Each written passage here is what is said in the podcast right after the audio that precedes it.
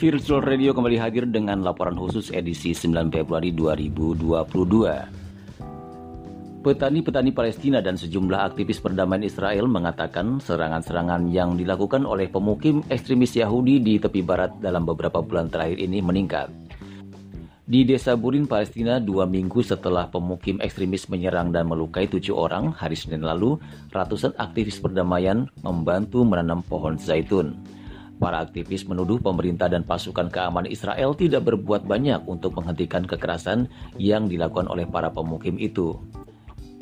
Linda Greenstein melaporkan dari Burin di tepi barat dan disampaikan oleh Eva Mazrieva dari VOA Washington. Silakan Eva. Ratusan aktivis perdamaian Israel dan Palestina hari Senin menanam pohon zaitun di bukit-bukit di tepi barat yang terletak di antara desa Burin di Palestina dan beberapa kawasan permukiman Israel. Mereka memprotes apa yang mereka katakan sebagai peningkatan gelombang serangan oleh pemukim ekstremis Yahudi. Nasir Abed Raba, seorang petani Palestina mengatakan, ia datang untuk menunjukkan dukungan kepada teman-temannya di desa Burin yang diserang oleh warga Yitzhar, permukiman Yahudi di dekat desa itu. Ia mengatakan pohon zaitun yang ditanamnya itu menunjukkan hubungan warga Palestina dengan tanah itu. Ini adalah pohon yang diberkati yang disebut dalam Al-Quran, Taurat, dan Injil ujarnya.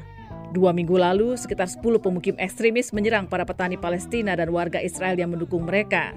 Sedikitnya tujuh orang luka-luka dan sebuah mobil dibakar.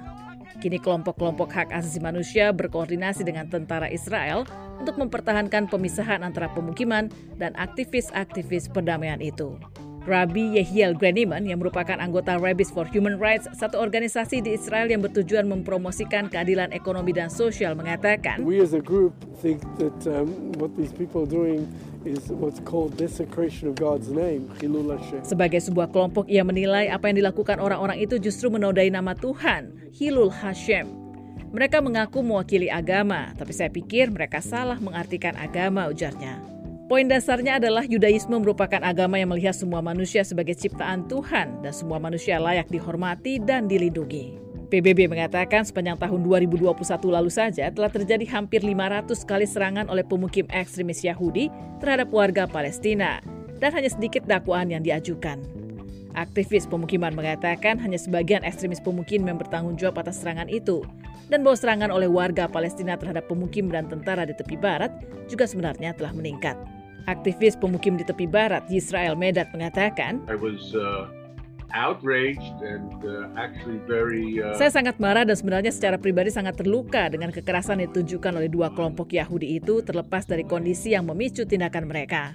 Saya juga merasa sangat ngeri karena kekerasan ini merupakan reaksi terhadap sekelompok orang Yahudi dan Arab yang datang untuk mengelola tanah ini, ujarnya. Anggota sayap kiri di parlemen Israel mengutuk keras serangan oleh kelompok ekstremis itu dan menuntut pemerintah berbuat lebih banyak untuk menghentikan aksi kekerasan tersebut.